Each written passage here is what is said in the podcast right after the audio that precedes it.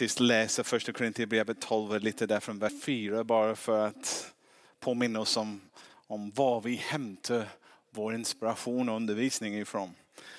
Och om jag börjar läsa från första Korinthierbrevet kapitel 12 från vers 4 till det lite, lite längre fram. Det finns olika nådegåvor men anden är detsamma. Det finns olika tjänster men Herren är detsamma. Det finns olika kraftgärningar men Gud är detsamma. Han som verkar allt i alla. Men hos var och en visar sig anden så att det blir till nytta. Den ena får anden ord av vishet, den andra får ord av kunskap genom samma ande. En får tro genom samma ande. En får gåva bota sjuka genom samma ande. En annan att göra kraftgärningar. En får gåva profetera. En annan att skilja mellan ande. Och det är det som vi ska undervisa om ikväll. Att skilja mellan ande. Men vi kommer till det om en liten stund. Eh, en får gåva att tala olika slags tungomål. En annan att uttyda tungomål. Men i allt detta verkar en och samma ande som fördelar sina gåvor åt var och en som han vill. Kroppen är en och har många delar. Men trots, allt kropp, trots, men trots att kroppens alla delar är många utgör de en kropp. Så, att, så är det också med Kristus. Ska vi be. Herre, vi tackar dig för möjligheten nu också att läsa ditt ord, gräva i det och ta reda på viktiga saker som finns där inne. Och jag ber att du kommer med din heliga ande så att det blir mer än ord, mer än kunskap. Utan att du kommer möta var och en av oss och hjälp oss också att förstå mer hur gåvor att urskilja mellan ande fungerar. Jag ber i Jesu namn. Amen. Amen. Kom ihåg, jag ber också. Jag tror på Gud. Jag tror att han hör bön och han kommer handla också efter det. Eh, som sagt, under, under våren nu kommer vi ta upp olika andliga gåvor och försöka eh, gräva i dem lite. Vi började med Jesus som en rollmodell. Det är han som egentligen levde ut de här andliga gåvorna och det är honom som vi vänder oss till för att se hur det fungerar. För att lära oss.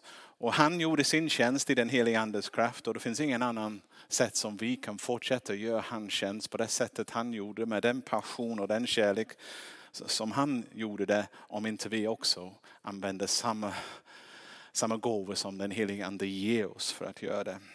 I torsdags hade vi undervisning om eh, gåva, helandets gåva. Och vi bad för flera och några blev helade. Jag bara tänkte, finns det någon här idag som kan vittna om vad Gud gjorde förra veckan? Det är synd att Tommy inte är här. Kom ihåg den mannen som hade axlar där som sa att han hade reumatism och kunde inte lyfta sin axel. Jag även frågade honom i måndags, hur går det? Och han sa, jag mår mycket bättre. Så det höll i sig också när vi bad för helande. Han blev helad av det.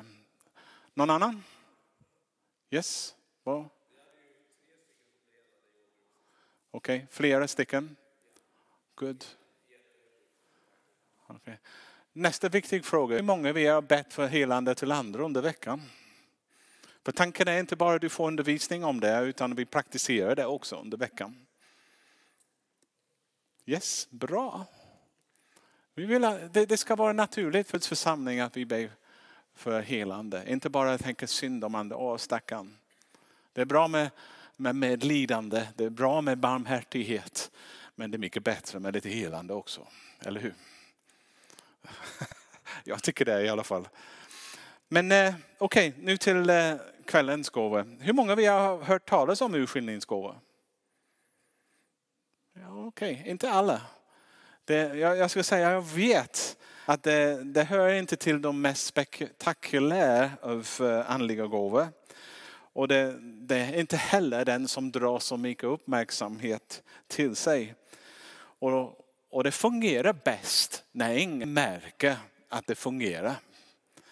Eh, och om det fungerar som det ska eh, är det lugnt och fint och eh, de flesta människor bara kommer njuta av vad Gud gör. Däremot om inte denna gåva är i funktion i en församling kan det vara väldigt stökig, väldigt orolig och jag skulle säga ostabil. Man märker att du får en gudstjänst som är bra, en annan som är dåligt. E- eller det känns bra den dagen men inte bra den andra dagen. Det blir lite som en berg och dal eh, resa när man är i församlingen. Och man känner inte den djupa trygghet som när den gåva är i funktion. Eh, om ni inte visste det redan, det finns en fiende som försöker hindra den kristen församling för att använda andens gåva. Fienden, Satan, djävulen, vad man vill än kalla honom, skulle, skulle vara så glad om, om Guds församling försökte göra Jesu gärningar utan att använda andens gåva. Och göra dem i sin egen kraft. För han kommer bli vara glad för att han vet att församlingen kommer misslyckas. Vad han absolut inte vill är att församlingen skulle börja tro att de här gåvorna finns tillgängliga för dem. Och de finns där som, eh, som kan användas också. Han gör, han gör allt för att dölja andens gåvor så, så folk inte tänker på det. Om vi väl tänker på det, han, han börjar jobba för att hindra att de kommer till användning. Han eh, ser till att de som är ansvariga för att leda församlingen ger inte utrymme för andens gåvor att komma i funktion. Eller de pratar så mycket så det finns aldrig någon chans eh, Eh, eh, att något ska hända. Man, man, vågar, man gör inte heller möjlighet att be för sjuka eller söka Gud för ett profetiskt ord. Man bara kör på. Lite religiös handling.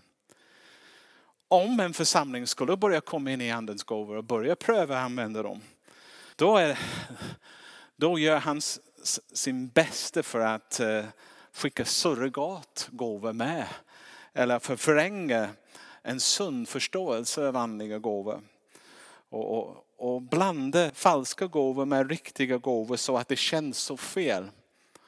Och helst han vill att det blir så stökigt, så jobbigt. Så församlingspastorer eller församlingsledningar väljer att nej, vi ska inte satsa på andens gåvor. Det bara kostar för mycket. Det är för mycket trubbel med det.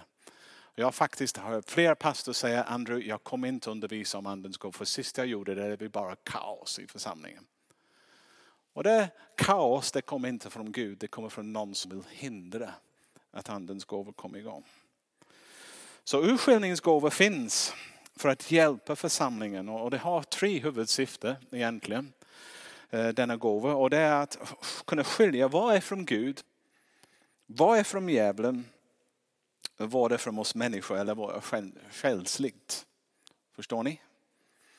Eh, och bara för att göra saken tydligt, för det mesta handlar om procent. Du har aldrig varit med på en gudstjänst när det är 100% Gud. Om det var det skulle vara himlen på jorden. Du skulle vara totalt förvandlad. Du skulle vara lysa med ansiktet. Det skulle vara så fantastiskt att alla blir hela på en gång. Och all, det skulle vara fullständigt fantastiskt. Eh, även om man har en bra karismatisk konferens där det är mycket som händer. Ibland tänker jag om det är riktigt bra, då är det kanske 50 procent Gud. Kanske jag tar i. Kanske jag tar i. Och sen är det 40 procent själsligt människor. Som vill så mycket. Som låtsas som om de är härliga eller försöker på något sätt härma det andra som, som går. Och jag är inte hård här, jag försöker inte döma. Jag bara säger att det finns så stor längtan att man vill bara dit så man gör vad som helst för att hänga med i det. Och man, om man kan lätt sveps in i någon osund, jag, jag kallar det köttet. Typ. Eh, läng, köttet är längtan att det är Gud. Och sen ibland, även i, i starka möten men den helige Ande kan också folk manifestera. Folk flyttar sig in i, ja, om du är med på en konferens när du har ingen kontroll, du vet inte vem det är som kommer. Det är inte ovanligt att en grupp av satanister kommer in också och sätter sig. Eller andra människor som har en helt annan agenda och de är med i mötet också. Och ibland de till och med försöker be folk och göra sånt. Så, så du får den, ursäkta mig, soppa. Så även om en, eh, en riktigt fantastisk gudstjänst när Gud gör massor, du ser folk bli frälsta, hela, tal i tunga, för andedöpt och prisade. Du kan se det. Samtidigt du kan se någon utifrån sin själsliga behov och längtan också gör saker som kanske inte är så sund, men de är inte ont i den meningen att det är djävulen som gör det. Men, men det är mänskligt. Och sen det finns de del när folk faktiskt under en helt annan påverkan. Som går. Jag, faktiskt, jag var ansvarig för så många stora konferenser också. Så, så att jag har sett det också. Jag har sett till och med folk som manifesterar. Vet du vad jag menar när jag säger manifestera? De är under påverkan av onda ande. Och de ligger där på golvet och gör konstiga rörelser och, och, och sånt. Och, och, och sen kommer några kristna som börjar be för dem och säger Gud vi bara välsignar vad du gör. Och jag har faktiskt sagt till dem, jag tror inte det är Gud som gör något, du behöver driva ut något där. Men eh, det är den miljö vi befinner oss i. Och det är där som urskiljningsgåvor behövs. Och det behövs också, för om du ser någonting som inte kanske är 100% Gud, du behöver också lite vishet. Hur hanterar vi det? Tack och lov är visheten också en andlig gåva som vi kan söka av. Men, men tänk till exempel någon som härmar någonting eller, eller det märks att det, det är inte riktigt Gud, de, de kopierar eller härmar någonting annat. Hur mycket ska jag tillrättvisa dem? Eller försöka korrigera dem. Inte tillräckligt, det kanske låter lite för hårt det ordet. Det är inte det som vi sysslar med. Det är mer att försöka hjälpa dem komma till rätt och sånt. För ibland det är bättre att inte säga något. Och låt insikten komma. Samtidigt det finns en skillnad mellan en mogen andlig gåva och en omogen andlig gåva. Så även om, nu kommer vi in för det kommer säg någon ska profitera över någon. Igen, det är aldrig 100% Gud som talar. Det också kommer bli en procent av den mänskliga faktorer också, av den person som ger budskapet. Och det mer omogen du är även som profet, eller så, det mer av köttet kommer komma igenom. Ska man tillrättvisa eller justera varenda gång när någon kommer igång? Nej. Man uppmuntrar dem, man uppmuntrar det som är bra och försöker tona ner det som inte är bra. Men det kräver visa. Men vissa saker är så farligt att man måste agera på en gång. Och sätter stopp för det. Så det finns den spektrum och, och, och det är inte lätt att hantera. Och det är väldigt lätt för folk att komma ifrån eh, en stor möte eller någonting annat. Även så, ja, det var lite så där, de såg inte det, de såg inte det. Jag är inte säker att de inte såg det. Men det finns en liten fråga hur också och när och på vilket sätt man ska hantera det som pågår i en andlig miljö. Men jag behöver lite nickande, för fattar ni vad jag pratar om? Ni gör det? Good. Eh, för, för, för det, det är viktiga. Jag skulle säga att urskiljningens gåvor behov, behövs. Och det är den gåva som, som kan känna av när någonting är av Gud eller inte av Gud. När någonting är rätt när någonting är fel. När någonting inte stämmer. När det finns en annan agenda på gång i bakgrunden. När det finns en annan ande som verkar. Inte bara den heliga ande. Nu, vad är urskiljningsgåvor för något? Vi ska läsa några bibelord också. Bibeln gör det klart för oss även från första dag som församlingen grundades fanns det falska profeter som gav anspråk att tala Guds ord med auktoritet. Och dessa män var främlingar för Gud och lurade människor borta från Gud och borta från den nära relation med Gud som kom. Och det finns många texter men jag har valt ut några. Här finns en bra för första Johannes kapitel 4 vers 1. Det står det är apostel Johannes som skriver till alla församlingar. Han säger mina älskade, tro inte varje ande utan pröva om andarna kommer från Gud. Okej? Okay? Där finns uppdraget. Så jag skrivit det. Ta inte allt bara sådär, det är rätt. Men pröva det, testa det, se om det är från Gud. Det finns ju många falska profeter som har gått ut i världen. Det är första Johannes 4 och 1. Inte alla andra är heliga. En ande egentligen är en fallen ängel. Och om du läser Bibeln du kommer märka att eh, andliga varelser finns. Och, det finns faktiskt dubbelt så många änglar än vad det finns demoner. Så jag har absolut ingen anledning att vara orolig för dem heller, även om man måste ge dem respekt på det sättet. Och inte heller, jag måste bara säga det så vi får det klart för oss. Det finns Fader, Sonen och Helige Ande där uppe och sen någonstans finns arkänglar. Och det fanns tre i Bibeln. En av dem hette Lucifer, den andra Gabriel och den, andra, och den tredje Mikael. Två av dem blev kvar, en av dem slungades ner. Han hette Lucifer. Och han tog med sig en tredjedel av änglarna varade med sig. Som förlorade också, han förlorade sin glans, änglarna förlorade sin glans och en demon egentligen en fallen ängel. Men, i, men då finns tre gånger, två gånger som, dubbelt så många änglar än vad det finns demoner. Och de inte, du kan inte säga Satan finns där, Gud finns där. Nej, Satan är en fallen ängel och det är Mikael och Gabriel man ska jämföra honom med. Gud finns här. Det finns, det, de är inte jämnkrafter överhuvudtaget. Det är Gud som är allsmäktig, endast han. Och Fader, Son och den helige Ande i den heliga gemenskap som råder. Så man behöver inte vara orolig. Men det finns onda andar. Bibeln säger att de finns. Jesus drev ut onda ande. Den tidiga kyrkan drev ut onda ande. Så vi får inte tro att det är bara god ande som finns, annars vi är grund och lurad.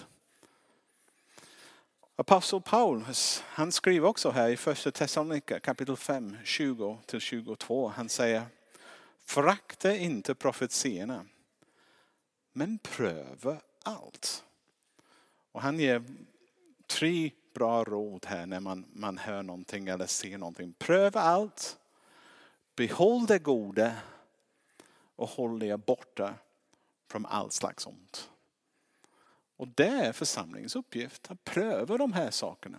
Jag skulle säga, ni måste pröva vad jag säger. En sund församling tål prövas.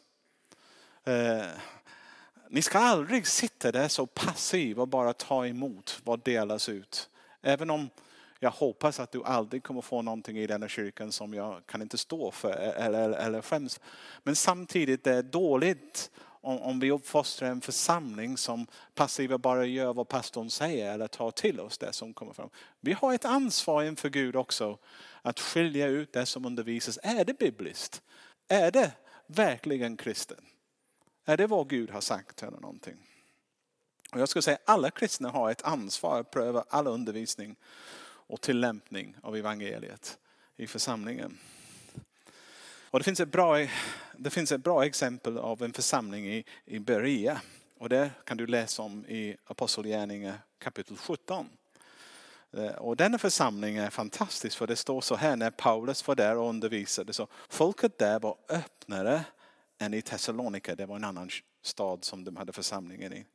De tog emot ordet med stor villighet och forskade varje dag i skrifterna för att se om det stämde. Här har vi en sund församling som inte bara hörde, även om de är fantastiska lärare som kom och Paulus var fantastiskt.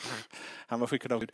Men de, de sa nej, vi inte bara lyssnar till vad du säger, vi öppnar vår bibel och vi kollar och ser om det du säger stämmer med det som Gud har uppenbarat i sitt ord. Och det är en bra praktik att även gå in på nu. Och även om det, men, jag ska säga, även om det är varje kristens ansvar att försöka skilja ut vad är bra och inte bra, vad är sant och inte sant. För att vi lever i en miljö där det finns en andlig kamp, var fienden försöker fördärva oss eller förvränga sanningen och sånt. Eh, även om det är allas ansvar Gud har utrustat vissa människor med en extra gåva eh, i denna område. Och det är Guds omsorg om församlingen. Okay? När han utrustar någon med denna gåva, det är för att han bryr sig om sin samling. och vill inte att det faller för villfarelse eller fel lärare. Han vill att församlingen har en hjälp de behöver för att hålla sig till sanningen och avslöja lögnen eller ljugande ande. Vi har inte råd att inte pröva. Onda andar kan avslöjas genom flera sätt. Mest genom deras ord och deras sätt att handla. Jag har några ord för er. Genom ord, lyssna här vad det står i första Moseboken. När, när Satan skulle lura Eva, vad var en av de första saker han sa? Han började frågasätta om Gud hade verkligen sagt, har Gud verkligen sagt detta? Han kommer säga, ja, du kommer inte dö om du äter denna frukt. Han ifrågasätter, samma som med Jesus också, när han frestas. Har Gud verkligen sagt, är, om du är Guds son? Han ställer en stor frågetecken över det som Gud har egentligen sagt och det som är sant. Så vi kan läsa här, det, står så här, har Gud verkligen sagt, det står i första Moseboken, Ni ska visst inte dö, står det i första Moseboken 3, 1 och 4. De, de, de två bibelverser där. Och sen det finns en intressant berättelse i Matteus 16. Vi kan, jag kan slå upp det. Har ni bibeln med er? För, för det är intressant. Matteus 16, det handlar om, om när Petrus eh, kommer och, och vill... Jag läser, jag måste hitta.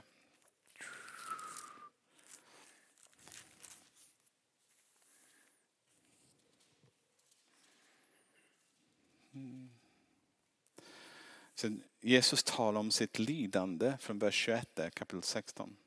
Från den tiden började Jesus förklara för sina lärjungar att han måste gå till Jerusalem och lyda mycket genom de äldsta och överprästerna och de skriftlärda och att han måste bli dödad och på tredje dagen uppväckt. Då tog Petrus honom åt sidan och började tillvisa honom. Gud bevara dig Herre, det där skall aldrig hända dig.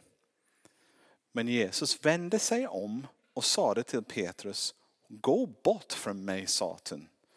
Du vill få mig på fall, för dina tankar är inte Guds utan människas. Så här Jesus kunde avslöja det som Petrus sa. Petrus tänkte nej, Petrus tänkte mänskligt. Han tänkte att Jesus får absolut inte gå. Han, han, han tänkte inte Guds tanke. Och han försökte rätta till Jesus och Jesus säger, det kommer inte från Gud, den tanken. Vad du säger nu är villfarelse. Han till och med använder starka ord från Satan. För även den mänskliga sidan, om man tar det i sin full längd, också kommer det från den onde. Eh, och det finns också, och bara för att säga, Jesus hatade inte Petrus bara för att han såg det. Han dömde inte ut Petrus. Han fortfarande älskade Petrus. Han var inte förbrukad för att han hade sagt någonting fel. Han var bara korrigerad av en mest kärleksfull mästare som fanns. Som sa, nej. Och jag är säker att Petrus tänkte nästa gång, undrar om det är för mig. Hur kollar jag nu så att det inte är från mig, att det är från Gud? Men det också finns handlingar. Det står så här i andra Thessaloniker kapitel 2, vers 9. Den laglöses ankomst är ett verk av Satan som kommer med stor kraft och med lögnens tecken och under. Okej. Okay. Jag har hört folk säga att det måste vara Gud för att en person blir helad. Jag har sett en under här som har skett, det måste vara Gud. Nej, det är inte bara Gud som gör under och tecken. Och vi har det i Bibeln också när vi läser i gamla testamentet med Mose framför farao. Han gjorde under och tecken när hans stav blev en orm och sen plötsligt de andra gjorde det så att deras stavar blev ormar. De härmade också. De kunde i sin okultiska kraft också härma starka grejer. Även om de kan aldrig bli lika stort. Och Moses stavar åt upp de andra och sånt. Men det, principen är där. Man behöver, det, ska inte bara, det, det räcker inte bara säga oh, men den personen blir helad. Vad de sa. Det måste vara Gud där. Till och med det finns flera saker som någon som har blivit helad tidigare i någon ockultiska helande möte, någon som sen har blivit kristen, de har blivit sjuka igen för att sen behöva helas igen. För att det är en demon på något sätt som sätter sig över den sjukdomen och håller försöker gömma det ett tag. Konstigt man tänker, Andrew vad pratar du om egentligen? Jag pratar om en listig, lurig fiende som försöker, härma det som Gud gör för att vinna människors tillit och leda dem i en annan riktning. Och det är mycket farligt. Men det står så här. Eh, har jag läst Matteus 24? Nu har jag läst det nu. Falken, falska, nu är det Jesus som talar också, bara så, bara så ni vet. Falska messiagestalter och falska profet ska träda fram och göra stora tecken och under för att möjligt bidra även de utvalda. Så även Jesus varnar församlingen att allt som sker som är dramatiskt och häftigt är inte alltid från Gud. Men det kan vara. Och hur vet vi om det är från Gud eller från fienden? Då behöver vi urskiljningsgåva. Superviktigt, superviktigt. Eller, oh.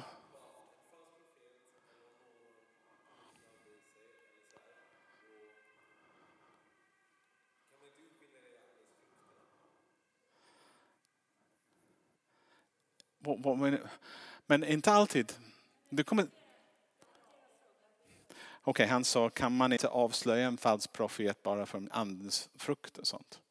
Men du kommer märka, vi kommer märka om en stund, eh, det till och med kan allt se bra ut. Men vi tar det om en stund. Om inte det, vi tar det upp innan jag så håller det innan jag kommer tillbaka till det. Ord kan vara sant men ändå fel. Anden bakom orden kan vara ond. Och här finns ett annat exempel som jag tycker är väldigt bra. Det är Apostlagärningarna 16, 17. Du har Paulus och Silas som är ute och predikar. Och sen kommer en kvinna som är tydligen eh, besatt. Och hon börjar ropa efter dem. De här männen, eh, jag kan läsa texten så, så vi sa det. Hon följde efter Paulus och Silas och oss andra och skrek. De här människorna är den högsta gudens tjänare. De förkunnar för er en väg till frälsning.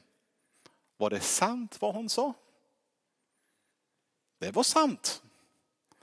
I vår mänskliga tanke vi kan tänka, det är en bra reklam. Hon går ut och ropar till alla att Paulus och Silas är från Gud och, och, och det är bara att lyssna till dem.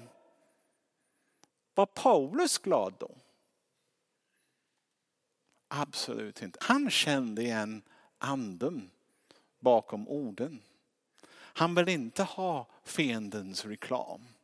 Han vill inte ha någonting med den källan att göra. Så han drev ut anden från henne. Och sen eh, det var trubbel på grund av det för hon tjänade pengar för sina ägare och sånt sådär. Men se hur lurigt det är. Någon kan säga rätt saker och ändå vara helt fel.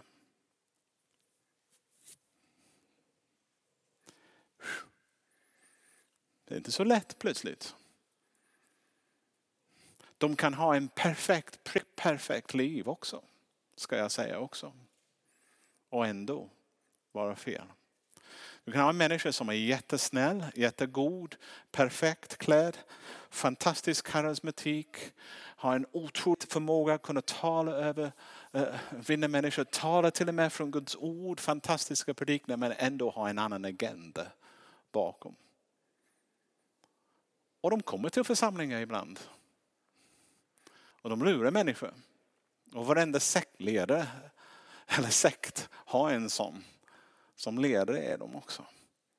Otroligt begåvad ibland.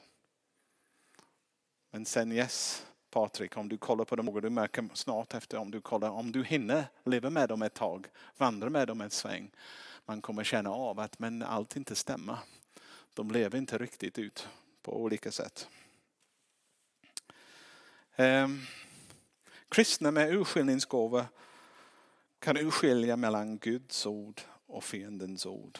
Guds handlingar och fiendens. Men en Guds man, en Guds kvinna eller en falsk man, en falsk kvinna. Okej, okay. nu ni tänker, hur går det till? Eller hur får jag denna gåva? Jag ska prata om det, hur, hur vi ska få det. Först och främst är det viktigt att komma ihåg att andens gåva är inte personliga. Andens gåva först och främst ges åt församlingen. Och när vi är en del av församlingen får vi del av de gåvor som delas ut till, till Guds församling. Men de finns inte till som medaljer som jag hänger på bröstet. De finns inte till för att jag sköt mig jättebra, nu har jag fått den medaljen. De är verktyg som Gud ger sin församling med stor omsorg så att det inte går vilsne eller faller på falska lärare eller missar den bästa som Gud har den. Om församlingen är i behov, jag ska, en annan, det förutsätter, jag tror, när en församling är en församling. Jag säger, om en församling är en rik församling, det betyder att det är grunden från Guds hjärta. Det är han som är herre, det är hans som vilja som att det ska startas. Om den församlingen är en Guds församling, du kommer ha de gåvorna. För Gud vet att hans församling måste ha de här verktyg för att kunna göra den mission, utföra den mission som Gud har lagt på församlingen. Så det ska vara 100% korkad om Gud formar en församling och de här gåvorna inte finns. Så de finns i en församling, eller möjligheten till dem finns. Ja, om vi var i en pingstförsamling, de skulle säga ja men några, men, men vi är inte där än. Ibland säger jag bra saker och ni märker inte det. Men eh, det är en trygghet. Det är en trygghet. Du behöver inte ens slösa bort tanke, kanske vi inte har dem. De finns där om vi letar efter dem eller ser dem. Om en församling är i behov av en gåva och vi har redan lärt oss att denna gåva är en som vi har behov av. Då kommer Gud se till att någon får den. Och den finns i en församling. Eh, på liknande sätt som om Gud har försörjt sin församling med evangelistgåvor också. Eller profetiska gåvor. De finns där. Okej, sen är det superviktigt att, att i en församlingsledning eller som pastorer vi ger utrymme för dessa gåvor att visa sig.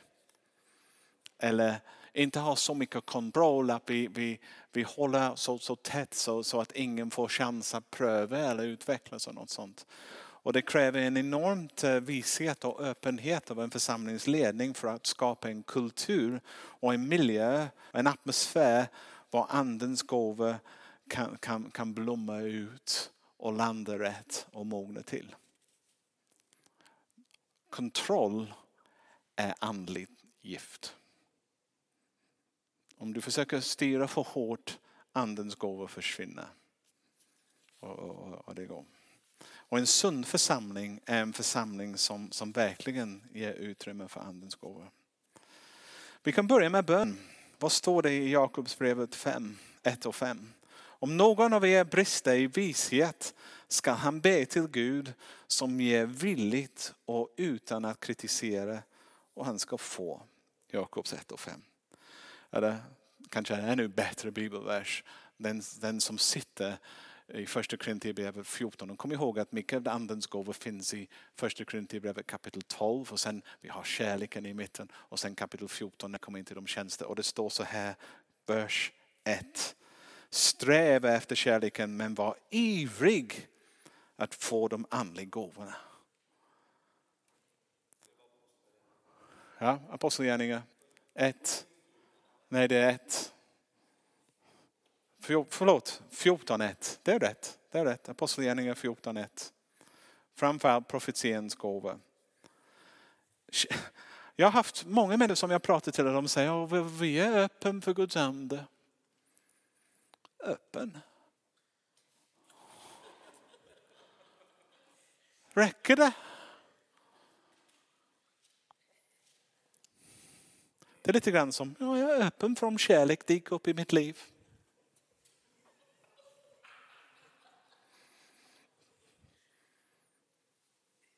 Sträv efter det. Det finns, det är ett doing word.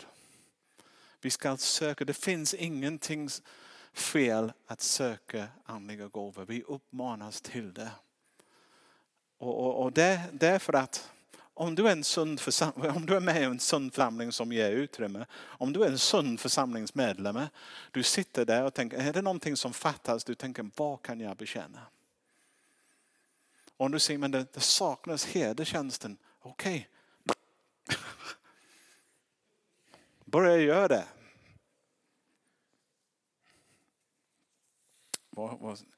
Börja med att be Gud om vilket område han vill att du ska tjäna i. Och att han öppnar dina ögon för att se vilka möjligheter finns för tjänst. En helt annat sätt att tänka. Många som kommer till kyrkan, de tänker vad kan jag få? Jag ska gå till den kyrkan för då får det där. Man ska gå till en kyrka och tänka men finns det en plats för mig att känna? Tjäna. Inte känna, det är fel ord. Eller vad är skillnaden mellan de två? Ja. Svenskar, jag, jag förstår skillnad på ord men, men hur man säger dem ibland det låter fel när jag säger det. Men det betyder serving. Serving. Och jag tror att det, Gud älskar detta. Han ser ditt hjärta. Han ser att du är med i en församling. Du, Gud har kallat dig till en gemenskap. Han vill inget annat än du används också. Att du kommer igång. Och om du sitter där och tänker, men vad kan jag? Och, om du börjar söka de här tjänsterna, det, det kan väl hända att du blir en av de som får det. Men att söka andliga gåvor utan att söka tjänster, jag vet inte om det är rätt. Att bara söka tjänst, eh, andliga gåvor. Jag, jag tror att andliga gåvor kommer när du är i tjänst. När han ser ditt hjärta, du slänger i det. Du vet i din själv, av din egen, du är beroende av den heliga ande för att göra det. Och, och, och det kommer då. En exempel kan jag, jag kan ge en konkret. Jag ibland när jag hängt med församlingsmedlemmar, jag ser en gåva i människan. Jag, tror att de, jag anar att de har en gåva att predika eller undervisa. Och det brukar hända, och det har hänt så många gånger som jag har sagt så här. Jag tror att du, du kanske har en gåva att predika. Vill du predika någon gång? Eh, och de tänker att det blir smickrad först. Och, och säger ja, okej. Okay. När vill du göra det? säger jag. Jag ger dem ett, åh men jag väntar till jag får ett ord. Då kommer jag och säger till dig, säger de till mig. Och jag vet att de kommer aldrig göra det. Men om de säger okej. Okay, och våndas och försvinner ett tag. Jag vet att de kommer få ett ord. Och det är någonstans det finns en, en relation mellan de två. Men om vi är kristna, bara Gud ge mig gåvor, ge mig gåvor. Men han ser att du inte är villig i ditt hjärta att gå i en tjänst och använda dem. Då är det inte säkert att du kommer få det. Men Gud är generös, han kanske ger det ändå. Men jag bara säger, det snabbaste sättet eh, att få dem eh, eh, hela ditt hjärta slänger dig in i något och Gud så du är beroende av dem. Och sen de kommer. Man kan, eh, en bra sätt att, att upptäcka var, var dina gåvor finns, där, var, var sitter din passion? De två ofta hör ihop också. Där Gud ger en gåva, där finns också en passion. Och eh, till exempel om du har gästfrihetens gåva. Du älskar att laga mat och ha folk hemma hos dig. Det är den bästa som finns. Du har inte tänkt, åh nej, måste vara rest igen. Åh, nej, jag måste tvätta säng, sängkläder igen. Åh, åh. Och du ringer dem och säger, ta med dig laken. En, någon som säger till dig, ta med dig laken, de har inte gästfrihetens gåva. De som har gästfrihetens gåva, du kommer och det finns en säng bäddad och det finns en handduk där, det finns en blomma där och det finns till och med godis där väntande för dig eller någonting annat. Och de njuter av din, din närvaro. Det finns en passion i det. Och det är samma med alla andra gåvor. Om det finns en, en längtan att om du känner sig, oh, jag, jag verkligen vill, det med kunskapens ord, Gud, jag vill verkligen fungera. Jag, jag ser att vi behöver veta den profetiska gåva också. Och du börjar söka Gud för det och sen kan jag. De hör ihop. Han kommer inte, förmodligen, kommer han inte ge dig en gåva i någonting som du inte är intresserad av. Jag ska säga också, vi ska undervisa om tungotalets gåva en annan gång, men jag var så högmodig när tungetal, om tungotalet. Jag, hörde, jag läste i, i Bibeln att det var den minsta av de gåvor. Och, och jag, när jag bad sökt Gud och en andliga gåvor, jag sa Gud, jag vill ha de högsta gåvor, de profetiska och helande. Jag vill inte ha tungotalets gåva. Jag, jag nästan hade en frack för det, det ska jag säga. Och jag, jag vill ha de andra, inte den. Jag vill inte låta som en pingstvän. Som jag är. Jag bara driver med pingst för jag betraktar mig själv som pingst. Bara, så du vet. Men eh, i min högmod vill jag inte ha något med tungotal att göra. Men, men saker och ting började hända. Jag började uppleva Gud nära, nära och jag började faktiskt be mer. Och sen, sen kom jag till en punkt i mitt liv när jag hade tackat Gud. Jag, jag be, Gud jag tackar dig, du är så underbar, så fantastisk. Så, och sen jag tänkte, men jag, du är, jag älskar dig, jag älskar dig. Och sen jag tänker, men vad säger man när man har redan sagt att man älskar dig? Det är lite grann som när jag sa till min fru när vi gifte oss, jag älskar dig men nu när jag jämför den kärlek jag har för henne nu jämför med det, det jag tror jag gillade henne när jag gifte mig med Men då var det kärlek. För kärleken förändras. Och på, på ett sätt man märker att ord, jag började märka att ord fanns inte för att beskriva det som jag hade inom mig. Och sen ibland eh, när jag började jobba även i mer med ungdomsgänget som ung man och sånt och började med. Och jag suckade till, jag visste inte vad jag skulle säga, det var mer var min bön. Och jag började märka att det fanns så mycket i mig som jag kunde inte ge uttryck för. För jag hade inte ord för. Och sen det kom på mig du dumskalle, det finns en gåva som heter tungotalet. Det kanske det skulle då. Och jag gick till någon och sa, kan du be för mig att ha tungotal? Jag vill inte spela min undervisning om tungotal som kommer om några veckor. Men eh, på vägen hem jag bestämde mig att jag ska börja tala tunga när jag körde bilen. För jag tänkte att det finns ingen annan som kan höra. Jag började och började och sen efter det har tungotalet blivit en ventil faktiskt. För mig när jag har gått. Och, och, och, nu när jag går för en bönepromenad, det är mycket tungotal. Jag vet inte, jag bara säger, Gud, tack att jag får gå med dig nu. Och så sätter jag igång och börjar alla jag ska inte säga det så, ni skrattar åt mig. Jag kan skratta en, en gång, jag gick genom skogen i Huddinge jag, och det var mycket som jag brottades med där i församlingen. Så jag, ah,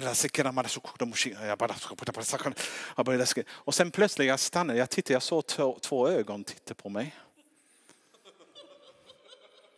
Och det fanns en soldat i kamouflage. Som låg i gräset och tittade på mig. Och sen tittade jag runt lite mer och då fanns flera. Och jag fanns mitt i ett gäng av soldater. Och, de, och jag trodde jag var ensam ute i skogen och jag hade gått. Och sen, jag, sen jag stannade och jag, och jag tittade på dem. Och de tittade på mig och jag tänker, vad gör jag nu? Jag kunde inte ens börja förklara för dem vad jag sysslar med. De kommer aldrig förstå. Så jag tänkte, ja, jag fortsätter. Och gick vidare.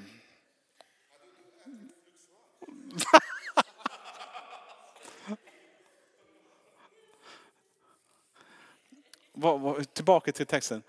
Jag fick inte gåvor för jag hade ingen passion för det. Det var vi kommer tillbaka till. Men när jag började få passion och längtan till det, då kom det. Och idag är jag så glad för det, för det finns så mycket jag kan inte sätta ord på.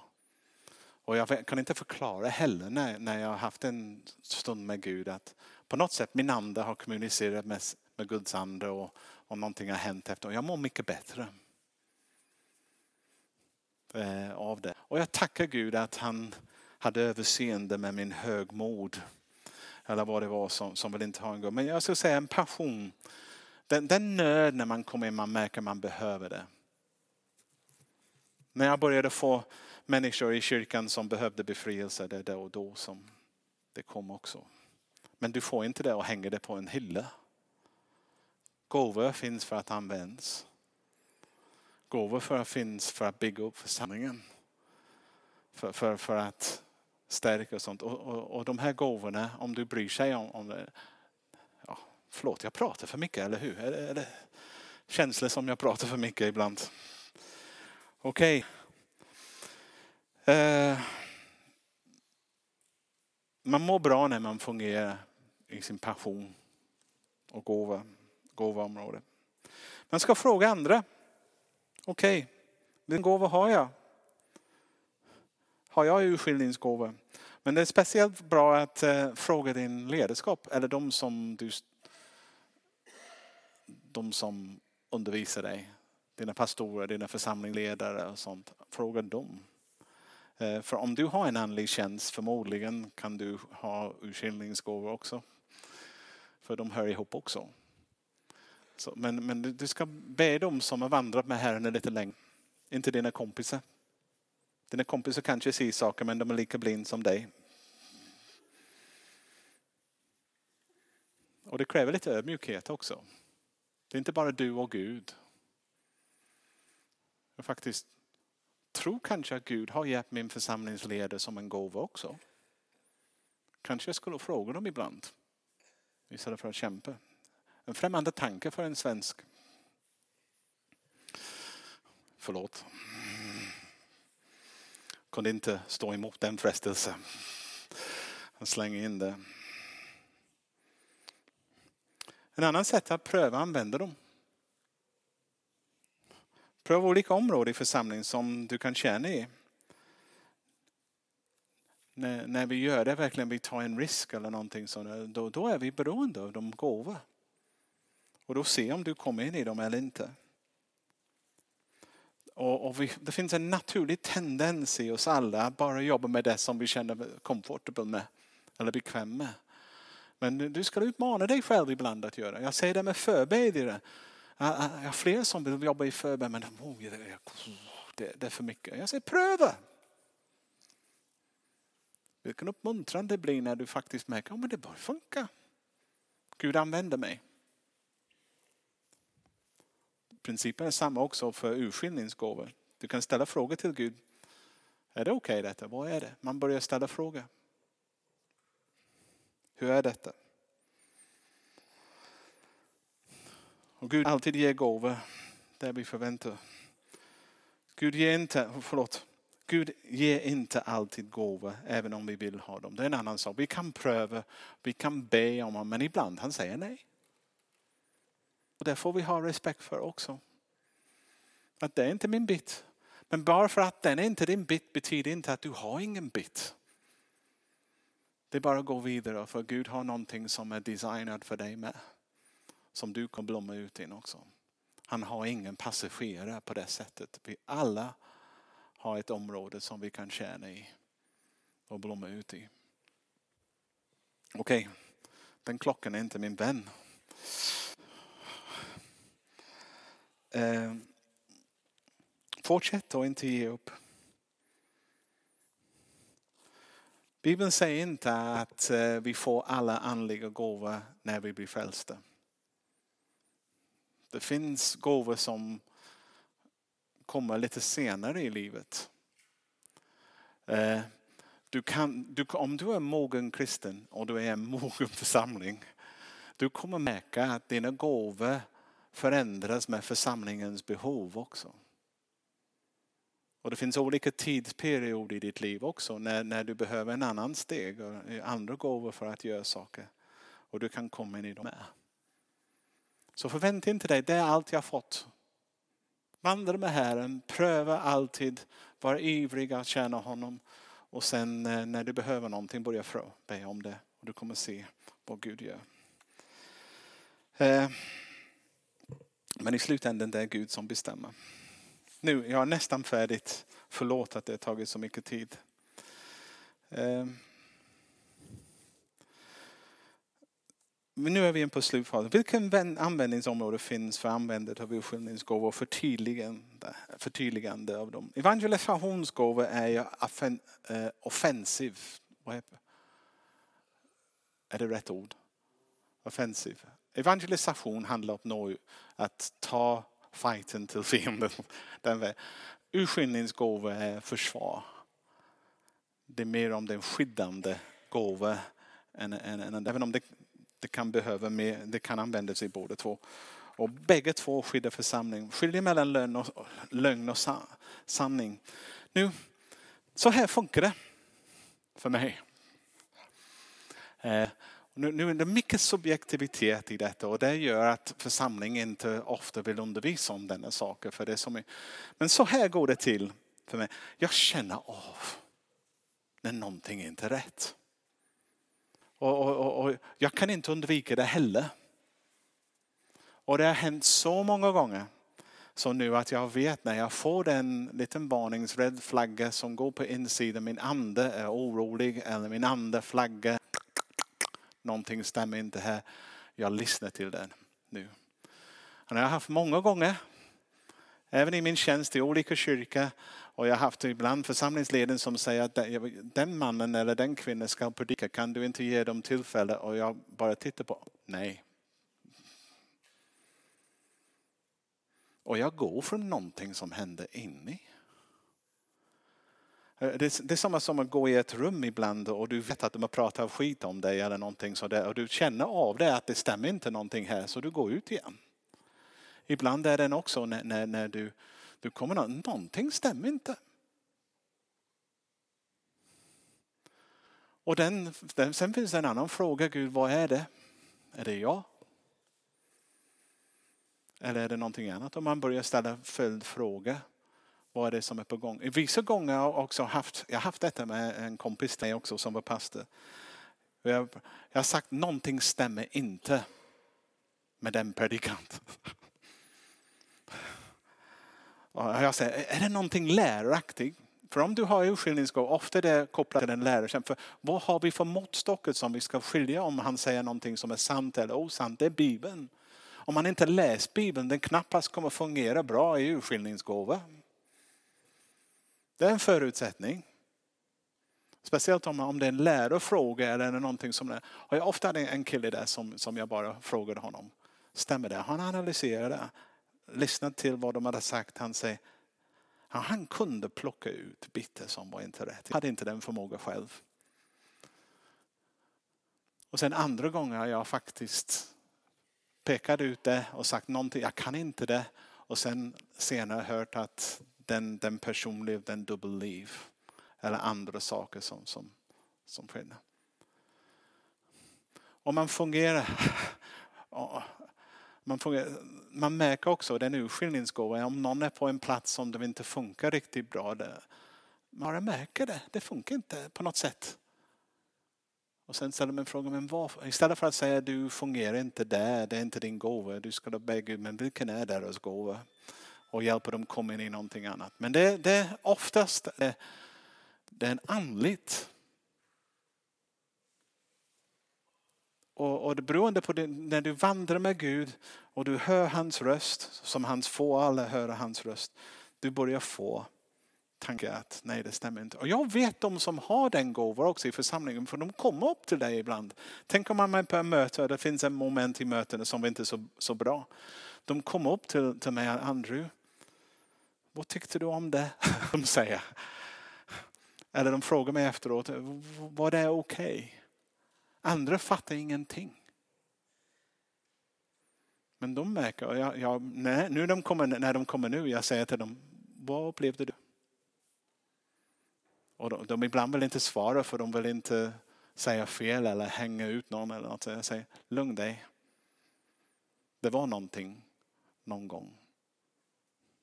Det kan till och med hända i lovsång, när lovsång går från tillbedjan till show.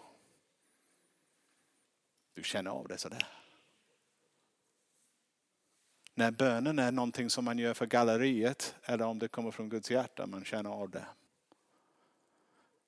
När någon är ute efter att bygga upp sig själv istället för Gud, du känner av det. Och människor, vissa människor gör inte det. Och det är inte för att de är omogen, det är inte att de är fel, det är bara att det finns en gåva som Gud har gett och du har någonting annat. Men de som har det, det kommer plåga dem om de inte använder det. Och det är bättre om man istället för att tänka de här sakerna och sitta på dem, är bättre att börja dela med någon och sen, sen får de tankar. Och Kan vi utvärdera det tillsammans? Är det Gud eller är det jag? Eller är det jag som är kritisk? Eller jag som... Och låt oss se, men Gud ger dessa gåvor till församlingen för han älskar församlingen och vi lever oss i en farlig värld.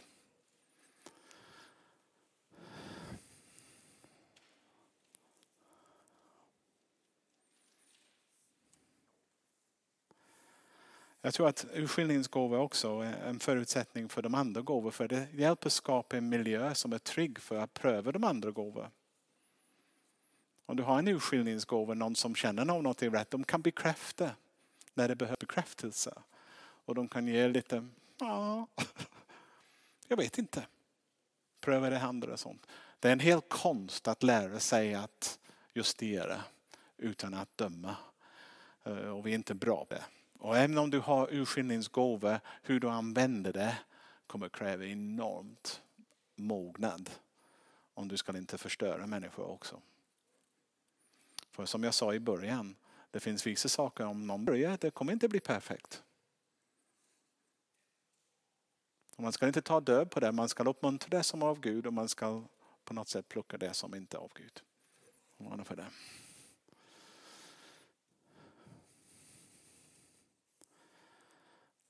Och jag, jag, ska säga när man senare hamnar i befrielsesituation, urskiljningsgåvor är enormt tillgängligt för att kunna se vad det är som plågar. Är det, är det ande eller själsligt? Är det sjukdom eller något annat?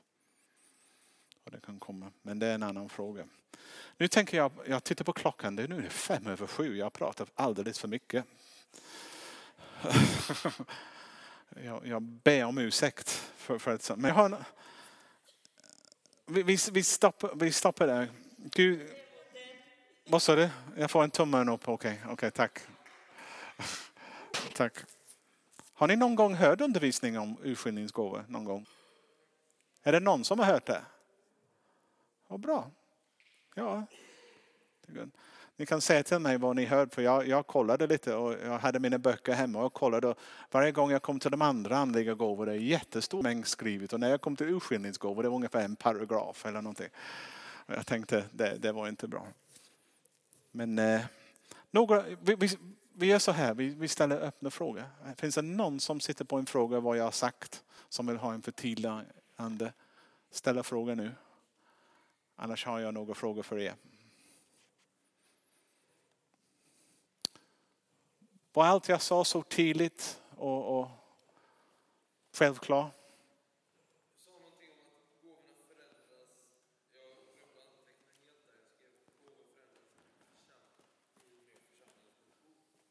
Mm. Ja, jag sa det. Upprepa frågan. Jag, jag sa att de, de andliga gåvor kan förändras under ditt liv om du vandrar med församlingen och känns villig. Om jag säger så, jag kan ge en exempel i denna församling. Jag har aldrig i mitt liv jobbat som herde tidigare. Okej? Okay? Och till och med varit i kyrkan när Andrew säger du är den första pastor som vi har haft som har ingen hederskap alls. Och undrar hur i hela världen kunde du vara en pastor? Men då var min roll mycket mer ledande, utvecklande. Och, och, och, och jag, min, min uppgift var att utmana församlingen i en riktning och ta det ur någonstans. In, men nu, när man kommer till en församling som detta och det redan finns en som gör det, vad ska jag göra? Ska jag börja tävla med, med, med, med Jakob och göra samma sak? Eller ska jag titta och säga vad behövs? Och slänga mig i det. Och jag skulle säga, jag har aldrig haft passion för herdeskap. Att sitta och prata med folk och be med dem och sånt. Så det, det, det har inte varit min passion. Men nu, nu faktiskt jag ganska gillar det. Otroligt. Och även om jag är långt ifrån en perfekt herde. Jag bara skrapar på ytan och känslan. Jag börjar se att men det funkar med. Och, och jag är övertygad om det finns en behov och du är beredd att gå in i det har Gud någonting att, att ge dig och kan välsigna dig i det. Du kan säga om det finns någon som... En annan sak, jag, jag har aldrig tidigare haft en passion för hemlösa eller missbrukare. Jag har inte haft det. Jag har inte haft det. Och när jag tackade ja till det jobbet här i Linnékyrkan, jag tänkte Gud, vad, hur ska det gå till? Han säger, jag, jag vill att du kommer. Sen plötsligt börjar jag jobba med, ja, jag faktiskt, ja. Ni faktiskt har hittat en plats i mitt hjärta med.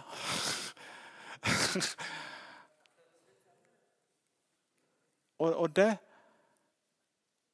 för, för min inställning, jag kunde sagt att mig, nej jag är en sån, jag är en sån. Istället för att jag säger Gud, du har skapat mig, eh, jag vill tjäna dig. Det finns behov här, jag är beredd att gå in i det, kan du utrusta mig? Förstår ni? Jag försöker inte prata om mig själv för mycket men det, jag ger exempel som jag kan som är konkret.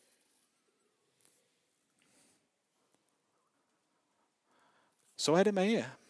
Vad är det som du ska tjäna med? Jag, Det...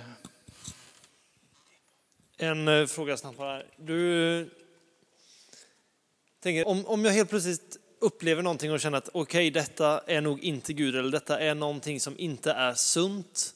Eh, du pratar om att man skulle gå och ta det med ledarskap. Men finns det någonting som jag kan göra liksom i stunden för liksom, okay, men detta, detta är inte bra, det är någonting här som inte är okej. Okay. Vad, vad ska min respons på, på det bli? Jag tror den första respons man ska göra, man ska fråga till Gud, är det jag? Har jag någonting, har jag missuppfattat detta? För vi är inte perfekta. Vi har inte en 100% sund också. Så man ska, säga, man ska ställa för Gud, är det mina förutfattade meningar? Är, är det mina blindspots som gör att, att jag, jag upplever det så.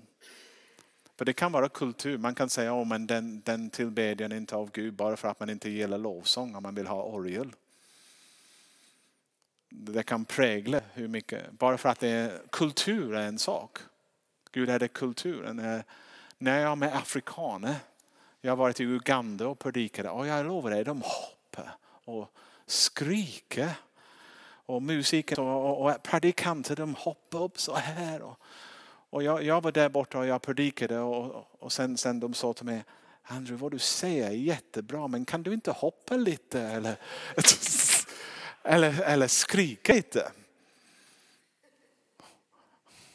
Nu, jag upplevde, min, min bedömning var det var det inte behövs.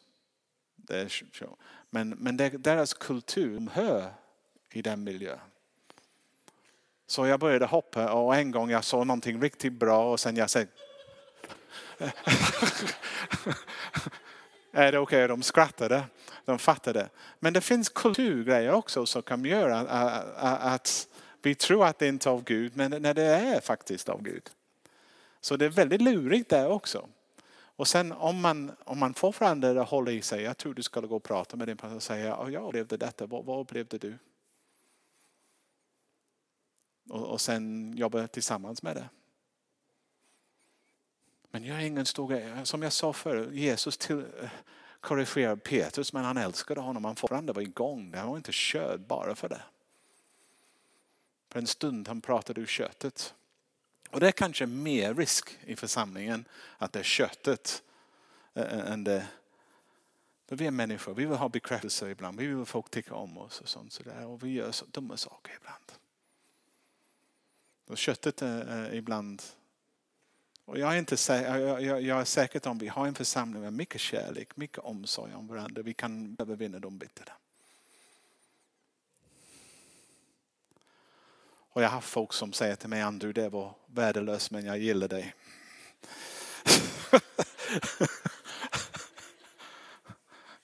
Eller Andrew, det är helt korkat det. Vad sagt. Hur kom du på det? Och, jag, och sen krama om mig. Ungefär i den, i den ande. Ska annars, annars vi kan lätt hamna i kritiskt ande också. Lite sånt sådär.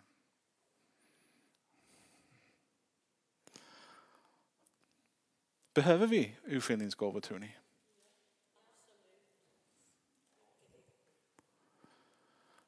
Jag kan lova dig, om den gåvan finns i funktion i den församling du, du är med i, du, du kommer känna dig trygg.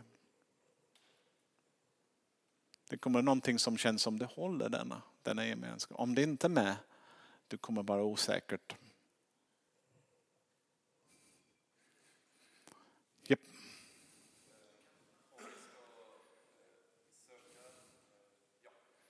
Gåvorna, oh, om vi ska söka gåvorna ivrigt. Eh, hur skulle man söka urskiljandets gåva? Det är de principer som är, men först man ber om det. Mm. Man bara frågar Gud. Och sen, som jag sa också, den gåvan är förknippad med din kunskap om Bibeln. Det, det gäller att läsa din bibel. Om du, om du på allvar vill ha urskiljningsgåva, du måste på allvar läsa din bibel. För den, den heliga ande kommer varna dig om liknande saker i bibeln som har hänt också hela tiden. Bibeln är din måttstock. Du kan inte bara ha din känsla, det känns bra eller dåligt. För om du är nykristen, du kan inte lita på dina känslor. De kan lura dig. Men om du vandrar med Gud och du har lärt sig urskilja ut hans röst från alla de andra, det blir lättare. Men som nykristen, man kan inte göra det.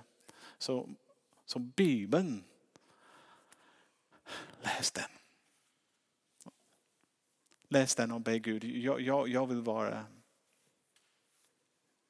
en som håller riktning eller håller sanningen. Och du kan inte hålla sanningen heller om du inte har kärleken med också. Urskiljningsgåva är inte för plis. Ajabaja, ajabaja. Det måste blandas också med kärleken. Sanningen och kärlek, två vingar, flygplanet. Men börja be om det. Och du kommer märka om du har det, för du har tänkt tanken flera gånger också. Du sitter där och analyserar ibland. Sen när du har varit pastor i 30 år, då sitter du i varenda gudstjänst och analyserar och tänker Gud bevara mig från det. Hjälp mig bara sitta här och njuta. Lite sån gång. Några frågor till?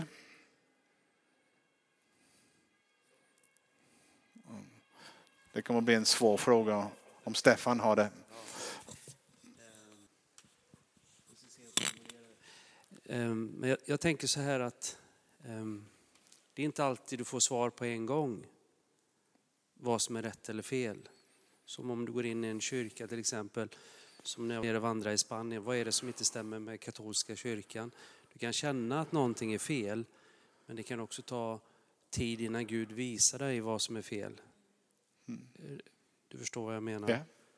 Så att eh, om du ber och har i ditt hjärta att du vet vad som är fel så kan Gud visa det på olika sätt. Det finns något ställe i Bibeln där Gud tar någon i, i någon ande och visar vad Israels folk gör när ingen ser. Eh, där de tillber, eh, jag tror det är Semiramis eller någon eh, annan gud till exempel. Yes. Att, ja jag, jag hade ett bibelord där för att försöka hitta det. Jag tappar min papper här. Ah, jag har glömt det nu. Ta, det, det, det, gäller, det gäller att ta den gode pröva allt, behålla den gode och lämna den onde. Och, och jag, jag är att jag går och firar gudstjänst varje söndag även om jag är på semester. Och jag går i en kyrka ibland och, och jag har varit i några konstiga kyrkor. Och det finns mycket där som inte är bra ibland. Men jag har aldrig kommit därifrån utan att få någonting från Gud. Och om det är procent, kanske det är 80 procent människor. 10 procent fiender. Eller, eller, eller, och det finns, Gud är där någonstans. Och ta vara på den. Och, gå. och sen, man får inte uppenbarelse. Uppenbarelse ofta är en process och bearbeta. Och, jag tror att det är för att Gud älskar relationer. Han ger inte snabba svar ibland. För han vill prata med dig och utvärdera saker och ting med dig. Och min upplevelse när jag säger bönen, när jag pratar med Gud, jag säger Gud, vad tycker du om det? Han ibland säger, men vad tycker du? Och sen får jag formulera mig hur jag tycker och sen, sen justerar han under och sen under resans gång är det och sen kommer man till insikt om vad är bra. Men det var ett bra exempel du gav. Och ibland du kan vara någonstans under en längre tid innan du börjar fatta vad det är som pågår. Men ibland är jag så orolig ibland att vår karismatiska kristna som inte läser sina bibel, bara går på upplevelser på häftiga musik. De kan sitta på en Jehovas vittnemöte och aldrig veta att någonting är fel. För den, den, den gåva i relation sunden också med Jesus. Jag har pratat så mycket. Jag börjar skrämma mig själv när jag tänker att jag pratar för mycket. Några frågor till?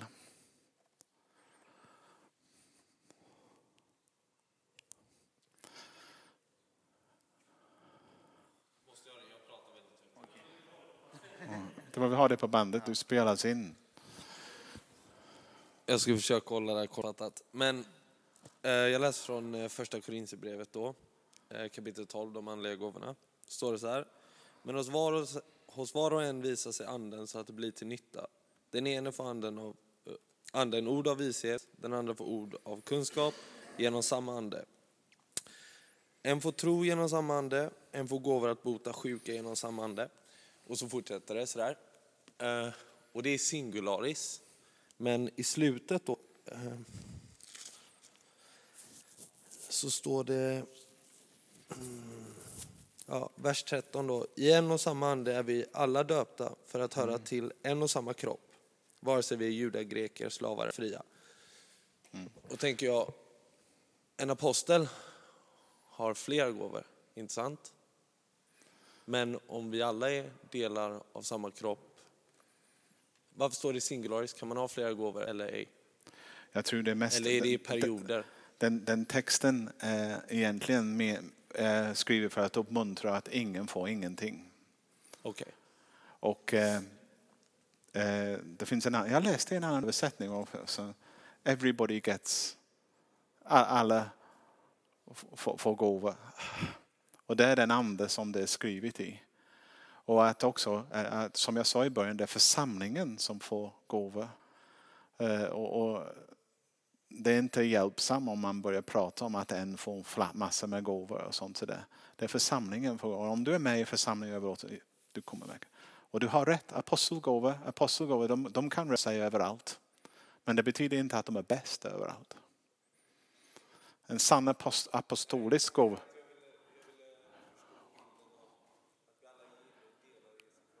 Mm.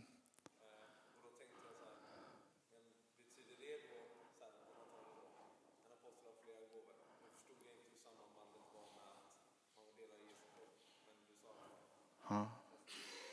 Mm.